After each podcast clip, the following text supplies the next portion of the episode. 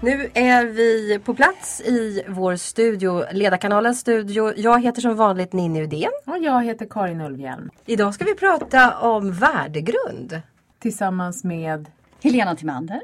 Och Marie Alani. Och ni driver ett företag som heter Vision Takeoff. Mm. Mm. Det gör vi. Visioner takes off. Ja men det var väl en bra översättning. Att man gör en stor take-off med stor energi in mot framtiden. Värdegrund, det är det det handlar om. Delvis. Vi är ju en kultur och varumärkesbyrå och vi tror att vi är ganska ensamma om att vara just en kultur och varumärkesbyrå. Det innebär att vi jobbar väldigt mycket med värderingsfrågor, företagskulturfrågor och även hur de är kopplade till varumärke och kommunikation. Så både kommunikation internt och externt kopplat till beteenden väldigt mycket. Och byrå, varför väljer ni att kalla er för en byrå? Vi tänker lite task force egentligen. Så vi, vi, vi tänker att vi är ett team. Ehm, och då så tittar vi på vad kunden har för behov. Ehm, och så kan vi plocka ihop rätt personer med rätt kompetens. Ehm, I någon form av task force-tänk. Vadå task force? Berätta. Man tar de bästa på olika områden kan man säga. Och så samlar man ihop dem skräddarsytt varje gång. Så det är inte alltid samma konsulter som kommer och gör samma sak kan man säga. Utan vi skräddarsyr och då tänker vi att men då tar vi man kanske har ett visst behov. Då plockar vi personer som har just rätt kompetens för det projektet. Ifrån företaget ni jobbar med? Eller utifrån? Utifrån. Mm. Men i det kan det såklart också ingå personer hos kunden naturligtvis. För att, att jobba med värderingsfrågor eller kulturfrågor det är ju ingenting en extern konsult kan komma in och göra. Eh, Det måste man ju faktiskt vara beredd på att göra själv som företag. Nej. Vi kanske ska vara Det låter som rocket science men, eh, men eh, det, det är krångligt tycker många. Vi kanske ska vara transparenta med och bara... Transparens är ju någonting som har varit en genomgående ni är lite röd tråd. kopplade till Ja, varandra. vi jobbar ju tillsammans och eh, så att ingen skugga ska falla över någon. Att vi bara kör en massa, tittar oss i spegeln och klappar oss själva på axeln. Det är jag som får ställa de kritiska frågorna. Det är du som är den där jobbiga journalisten och programledaren idag. Det var ju vårt förra samtal, då fick jag ett samtal av Karin. Du låter otroligt negativ, sa hon till mig. Nej, men, nej, men väldigt skeptisk. Då kan vi väl ta det därifrån. Eh, Hur, hur skeptisk och kritisk får man vara i en eh, hälsosam kultur? Det är väl en jättebra utgångspunkt att vara skeptisk och kritisk för då tror jag att man tänker efter. Det är då man reflekterar. Ehm, Sen är väl inte det att bara vara kritisk och, skeptisk löser ju inte några problem. Man kommer ju inte vidare. Men jag, tycker att det är en bra utgångspunkt.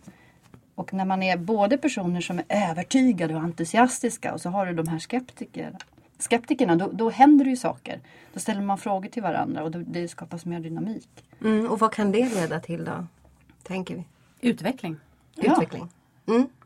Ehm, det är, ju- man, man utvecklas mycket snabbare om man behöver tänka till om varför man tycker saker och ting är viktiga. Som är det värderingar går ut på. Någonstans det är ju en åsikt om vad jag tycker är viktigt eller inte. Ehm, och blir man ifrågasatt eh, eller får mothugg ibland så är det ju väldigt värdefullt. Även när man behöver stå upp för de värderingar man faktiskt tror på. Inte bara bli ifrågasatt om det är rätt eller fel värderingar. Men varför man tycker på ett visst sätt och var det kommer ifrån. När är ett värdegrundsarbete befogat? Och när blir det ytterligare en påklistrad pamflett? Vad är skillnaden? När det är liksom sminka grisen. Ja. När det bara är någonting man vill ha på hemsidan eller schyssta planscher i fikarummet.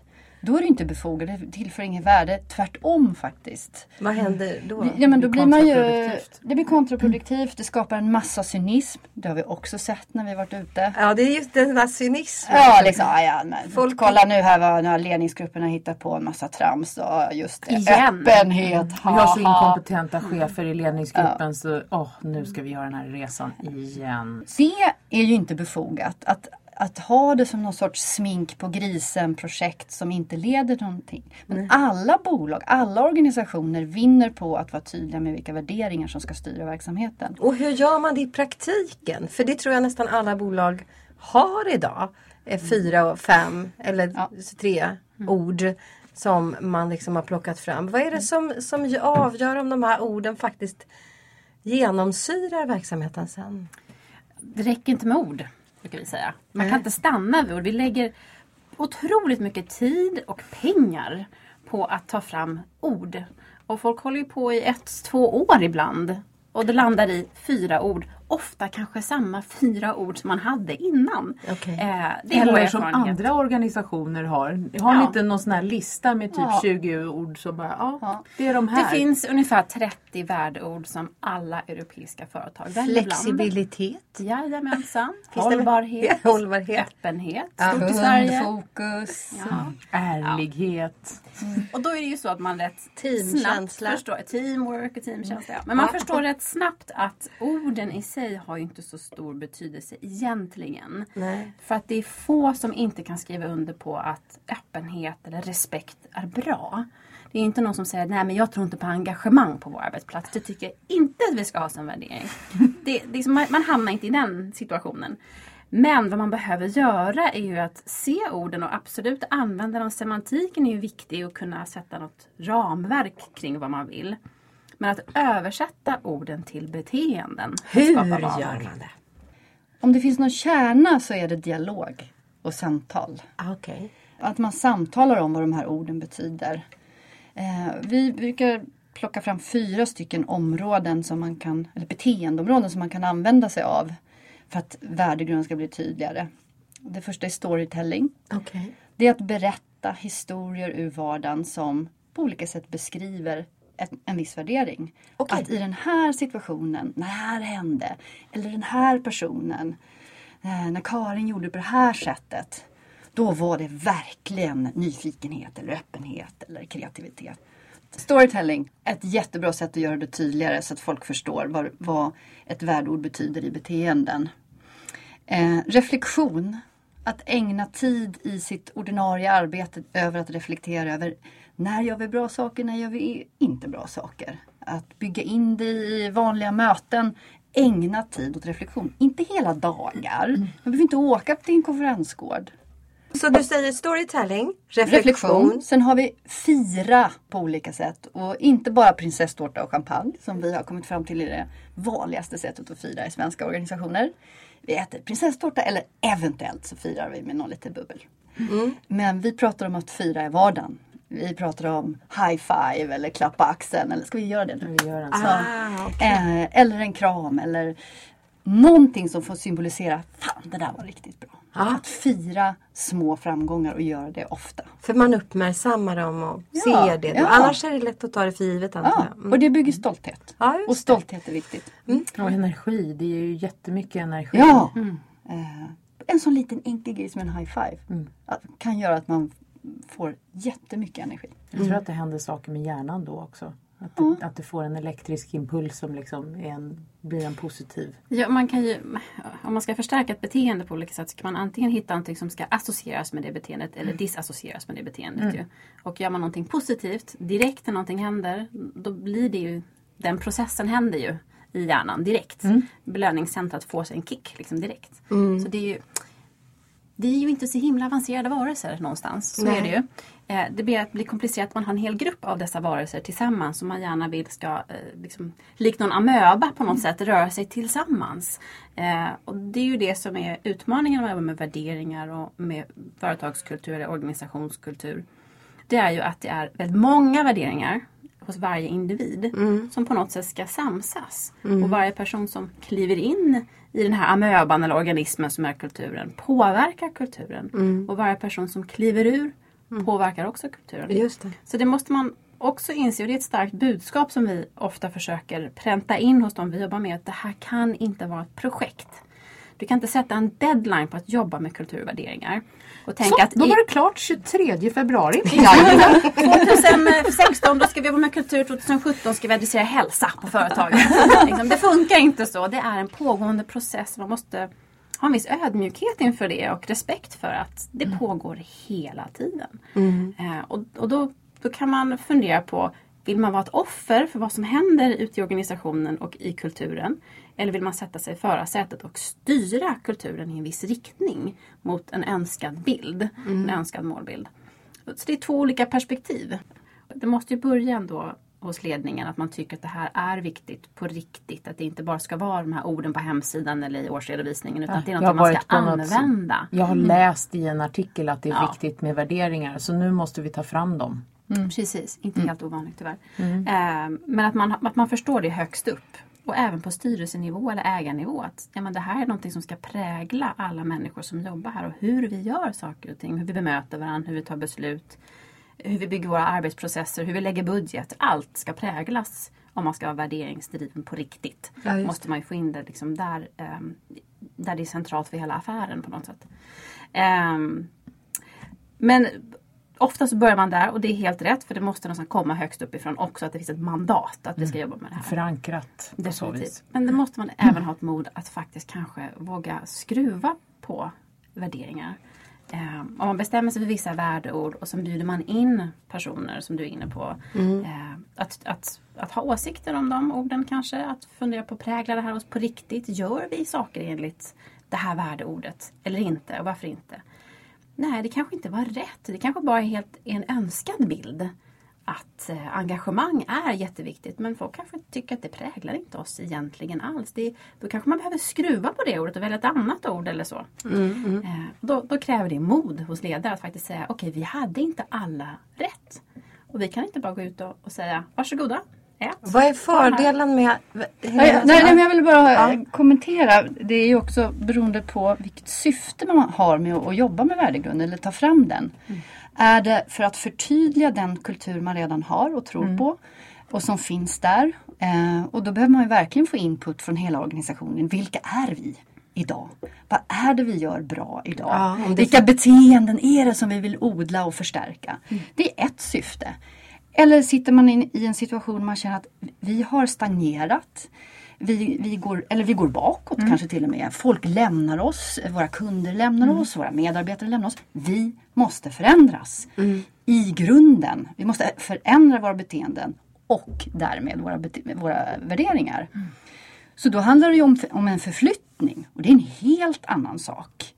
Eh, och en sån för, förflyttning, en större värderingsförflyttning, det gör ju ont. För det betyder ju att en del av de människor som finns där idag inte kommer att passa in. För de kommer att känna, det här är inte jag. De kommer inte trivas. Jag kommer inte trivas här, jag kommer inte må bra här.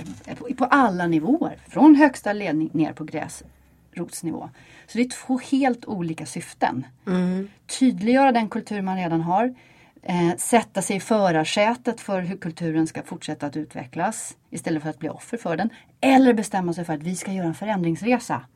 Vi ska förändra det vi är idag. Och vara medveten om att det här kanske kommer göra lite ont. Ah, okej, så att man kan inte göra både och samtidigt. Dels befästa vad vi är och förändra sig på samma gång. Jo, det gör man väl till viss mån. Eh, Jag, jag tänker, eh, bara för att ta ett exempel. Ja. eh, För ett antal år sedan så kom jag i kontakt med, med en marknadsföringsavdelning som hade tagit fram marknadsföringsmaterial om den här organisationen. Eh, Som var väldigt flashigt och så. Och sen så fick jag höra eh, att man internt i den här organisationen inte kände igen sig.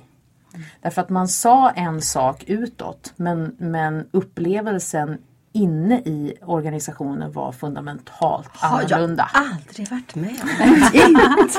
Nej, men, men och den, för mig så blev den, nej men herregud. Vi kan inte hålla på och prata om någon, någon slags önskevärld utåt när det inte ser ut så inåt. Vi kanske behöver titta på det som finns inne. Det kanske finns bra saker inne som vi behöver vända ut utåt. Men om inte de här två lirar, då kommer inte våra medarbetare att bli några bra ambassadörer. Utan snarare kanske till och med baktala i värsta fall då. Det som, det som sägs utåt. Men jag tänker, alltså det finns ju alltid bra saker i alla organisationer och de ska man ju lyfta fram i ett värderingsarbete. Använd det som redan är bra, naturligtvis. Visst. Eh, och var transparent med att nu ska vi göra en förändringsresa. Var öppen. Var transparent. Ordet Mm, för titta, dagen. där kom det. Ja, jag kunde inte låta bli.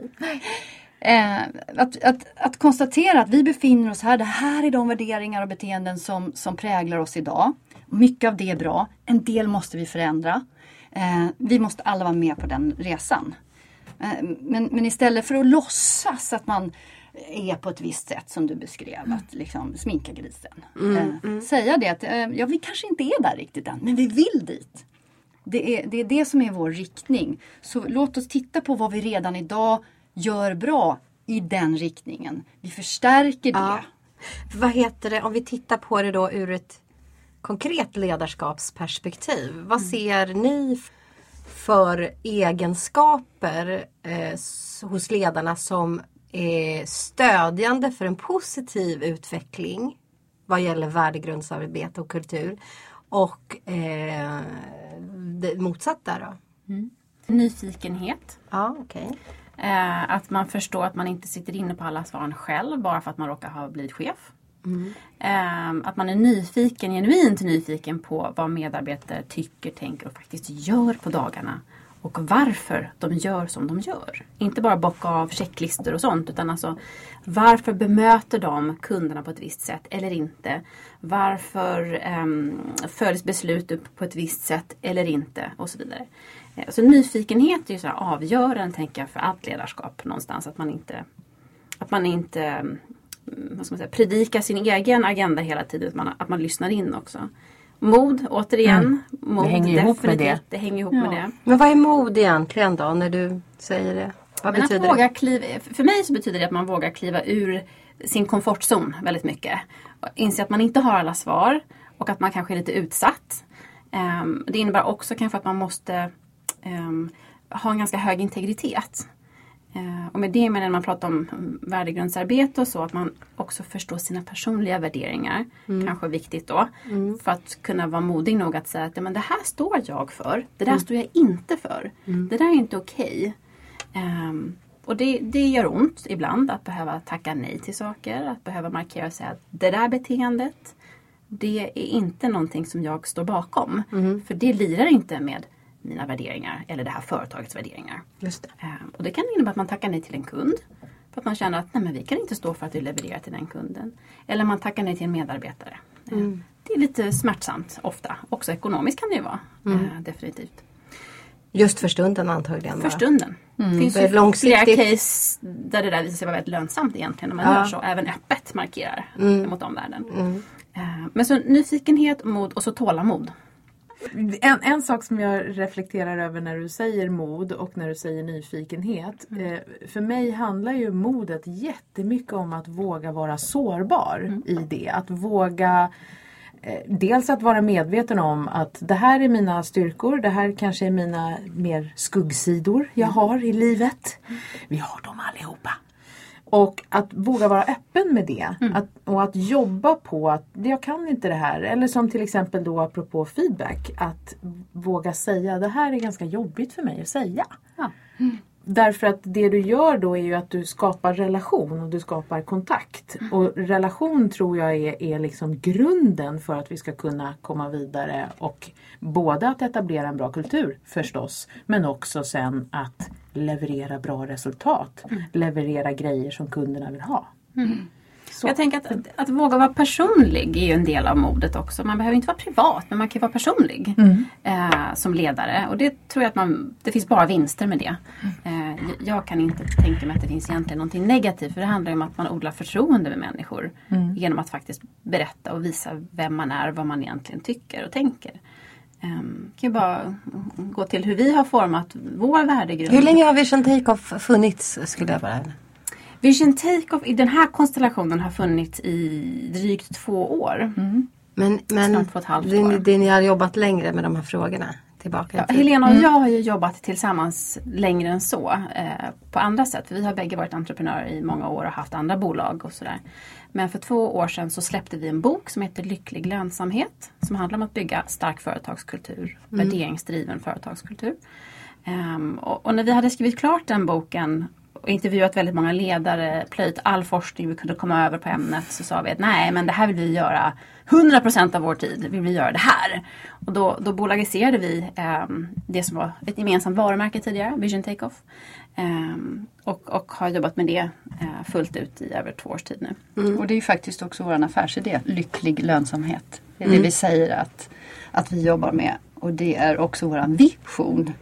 lycklig lönsamhet worldwide. Eh, och det kanske låter lite så här Storslaget. lite väl storslaget. Men då tänker vi att, eh, att vi vill ju ha många med oss på resan. Eh, Att det är inte våran personliga vision. Vi tänker att det är en vision som vi kan dela med väldigt många andra människor. Men förklara den lite mer. Jag tycker man ska ha stora drömmar, eh, visioner, Ja. drömmar, visioner. Jo men det, det var ju så vi började från början. Det var ju att prata om visioner. Det var vår allra första vad ska man säga, nisch. Att jobba med, med visionsformulering och vad den faktiskt ska användas till. Jag måste bara få säga, i morse pratade jag med min dotter om det. Vad, vad, alltså det bara kommer upp nu. Vi pratade om fantasi. Eh, och eh, vikten av fantasi. Jo, vi satt och tittade på en, en bild som hon hade gjort som hon alltid sagt nej, du får inte rama in den.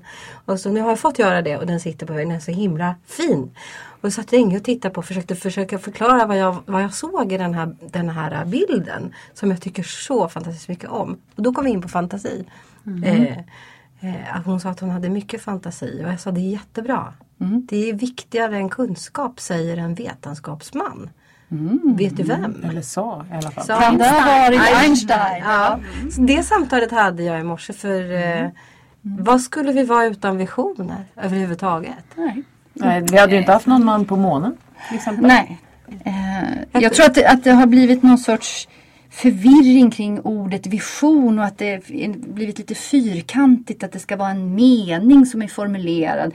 Det är inte alls det det handlar om utan det handlar om en det handlar om fantasi, drömmar, om någonting man vill väldigt mycket som väcker en massa känslor och som väcker drivkraft. Att ja, jag vill dit och jag är beredd att göra nästan vad som helst för att komma dit. Det är det visioner handlar om. Och det tror jag är väldigt olika för olika människor. För en del är det kanske väldigt specifikt. För andra är det flum, ludd. Det beror på vilka vi är som människor. Men jag Vi- tror att vi behöver det. Vi Alla. satt- sattes ju för en fem år sedan ungefär med att eh, sitta och titta på väldigt många företags visionsformuleringar för att se liksom, hur såg det ut i svenskt näringsliv? Vad har man för typ av visioner? Och insåg att väldigt många har egentligen en målsättning. Eh, Inte en vision. Eh, Vad är skillnaden då? Ja, men det är ju någonting som är mätbart. Alltså, när, du vet när du har uppnått det, det är väldigt konkret. Så det kan vara väldigt vanlig visionsformulering kan vara vi ska vara ledande inom mhm, bransch, eh, kundernas första val inom X bransch inom det här tidsspannet. Och det är, så här, det är ju en målsättning. Det är ju inte riktigt en, en vision.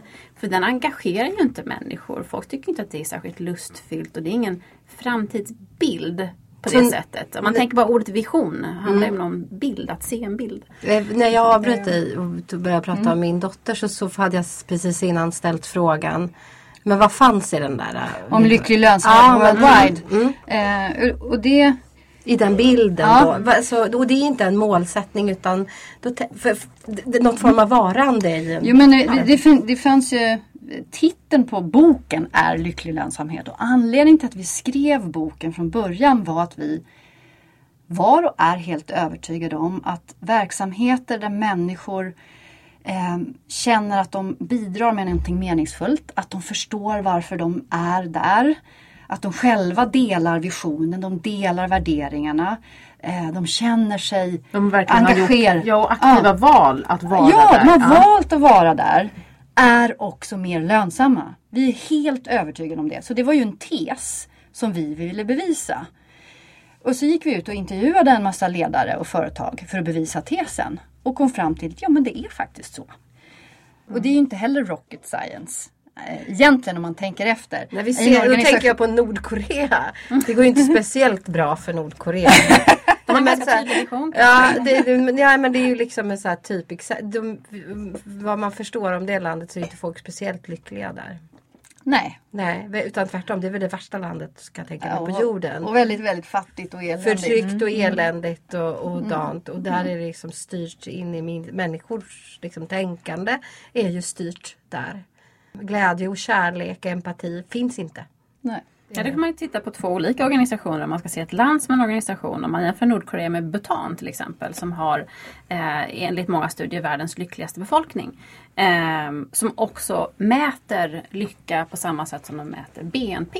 Coolt! Eh, Det är ju också det är en annan kultur. Man skulle kunna dra samma parallell till, till ett företag. Alltså du kan ju ha eh, väldigt humanistiska värderingar eh, som handlar mycket om att folk ska känna mening och, och, det ska vara respektfullt och man vill påverka världen på ett fint sätt och så vidare.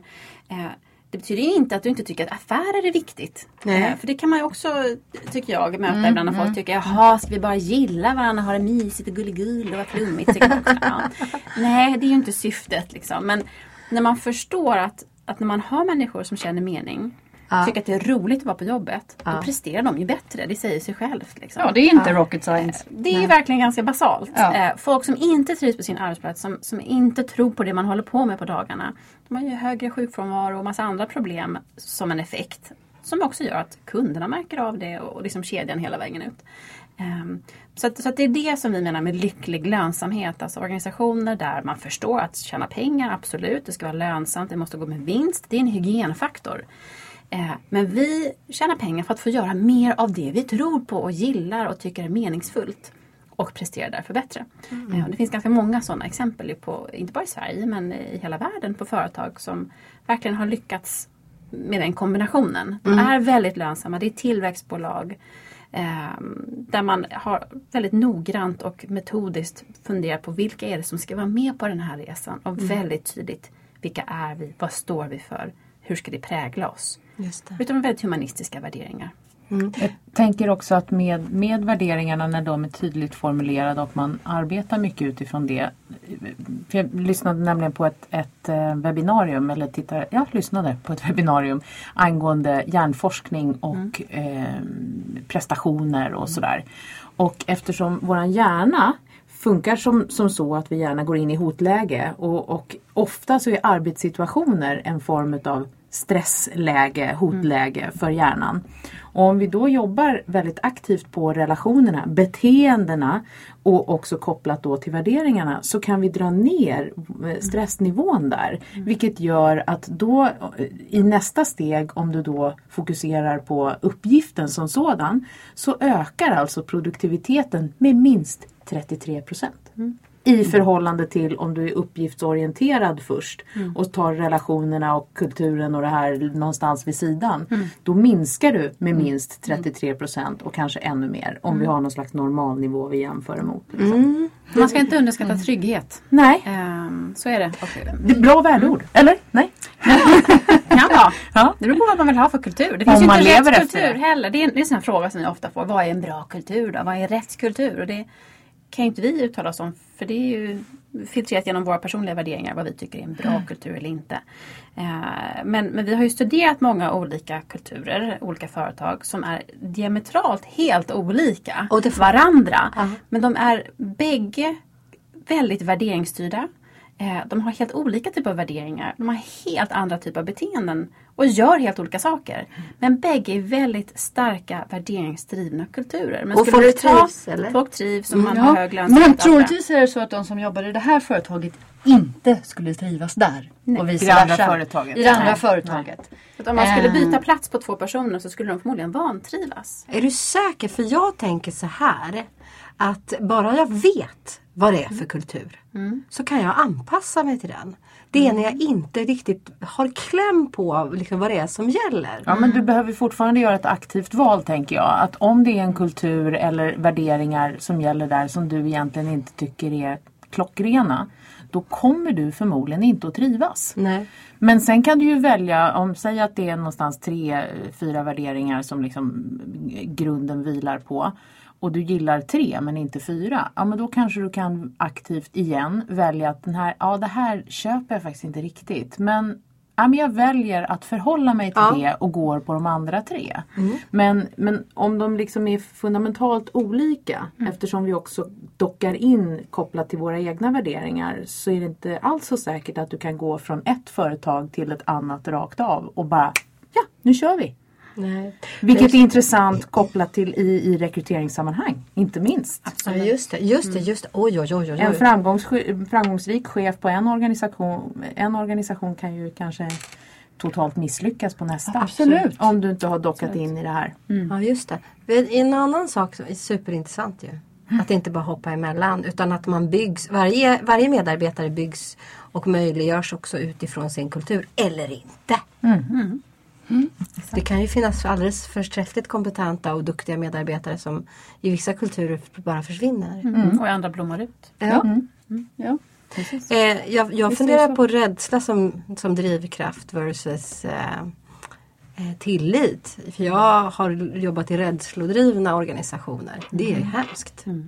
När det, saker är oklart, det finns inget ledarskap och det bildas liksom mm, bara informell ledarskap underifrån. Men det är ju en hel managementstil, liksom management by fear. Det är ju liksom ett vedertaget begrepp. Det var ju en skola i, i managementteori på något sätt. Nej. Det var ju så man skulle göra. Att det var liksom peka med hela handen uppifrån och ner. Och gärna att folk är lite rädda för då presterar de. Men allt man vet om psykologi och, och hur människan faktiskt är funtad så förstår man också att det där är inte ett jätteeffektivt sätt att leda människor. Neuropsykologi. Alltså med hjärnforskning Precis. parallellt. Jag tänker att det här är en viktig del i värdegrundsarbetet när man gör det från början. Att även prata om de dåliga värderingar som faktiskt finns. Att våga adressera den här elefanten som finns i rummet. Om man vågar göra det eh, då når man mycket mer framgång. Att, att du både pratar om de positiva men också de som inte är så bra. Där rädsla är ett jättebra exempel. Ja. Att våga säga det, jo men det, det, det är så hos oss. Det är alldeles för mycket rädsla och det är ingenting vi vill ha. Vi gillar inte det. Ändå finns det där. Så hur, Hur kommer man runt det? hur kommer vi runt det? Vi brukar prata väldigt mycket om övertygelser, dolda övertygelser. Eh, alltså det som, som präglar vårt mindset eller vår attityd. Det vi tycker om saker egentligen och det som då påverkar hur vi faktiskt agerar, vårt beteende. Och vilka vanor som, som bildas. Och en, en typisk värdering som är viktig i många svenska företag är öppenhet till exempel. Och det är någonting vi brukar prata väldigt mycket om. Öppenhet. Här hos oss är det jätteöppet. Här har vi högt i tak. Ja. Och vi vill ha innovation och det betyder att allas idéer måste få komma fram och, och sådär. Eh, och om, om min chef säger det till mig, hos oss är det här jätteviktigt och det står på en plansch i lunchrummet och vi pratar om det i våra presentationer för kunderna och så vidare. Och så kommer jag på en lite galen idé kanske, som jag tycker, nej briljant, det här är något vi borde testa.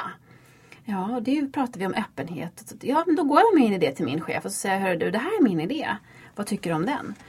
Och min chef reagerar och säger, men vad spännande. Ja, men det är verkligen att leva öppenhet. Schysst, bra jobbat. Ja, men ta den idén och liksom spinn vidare. Ta med dig ett par kollegor och, och brainstorma lite. Se om vi kanske skulle kunna göra någonting av det eller inte. Då blir min övertygelse att det här funkar ju på riktigt. Så här är det hos Vi oss. lever det som vi lär. öppet. Ja. Det här värderingen tror Ah, ah, alla på. ah. Alltså så blir mitt agerande, mitt beteende formas ju av den övertygelsen. Och mina kollegor ser att Marie gick till chefen och han lyssnade eller hon lyssnade på henne. Och hon fick mandat att ta, ta tag i den där idén. Jag kanske också ska kläcka min idé. Vad händer? Då får man en, en kultur som präglas mycket av innovation och idérikedom och en öppenhet Och mod. och mod.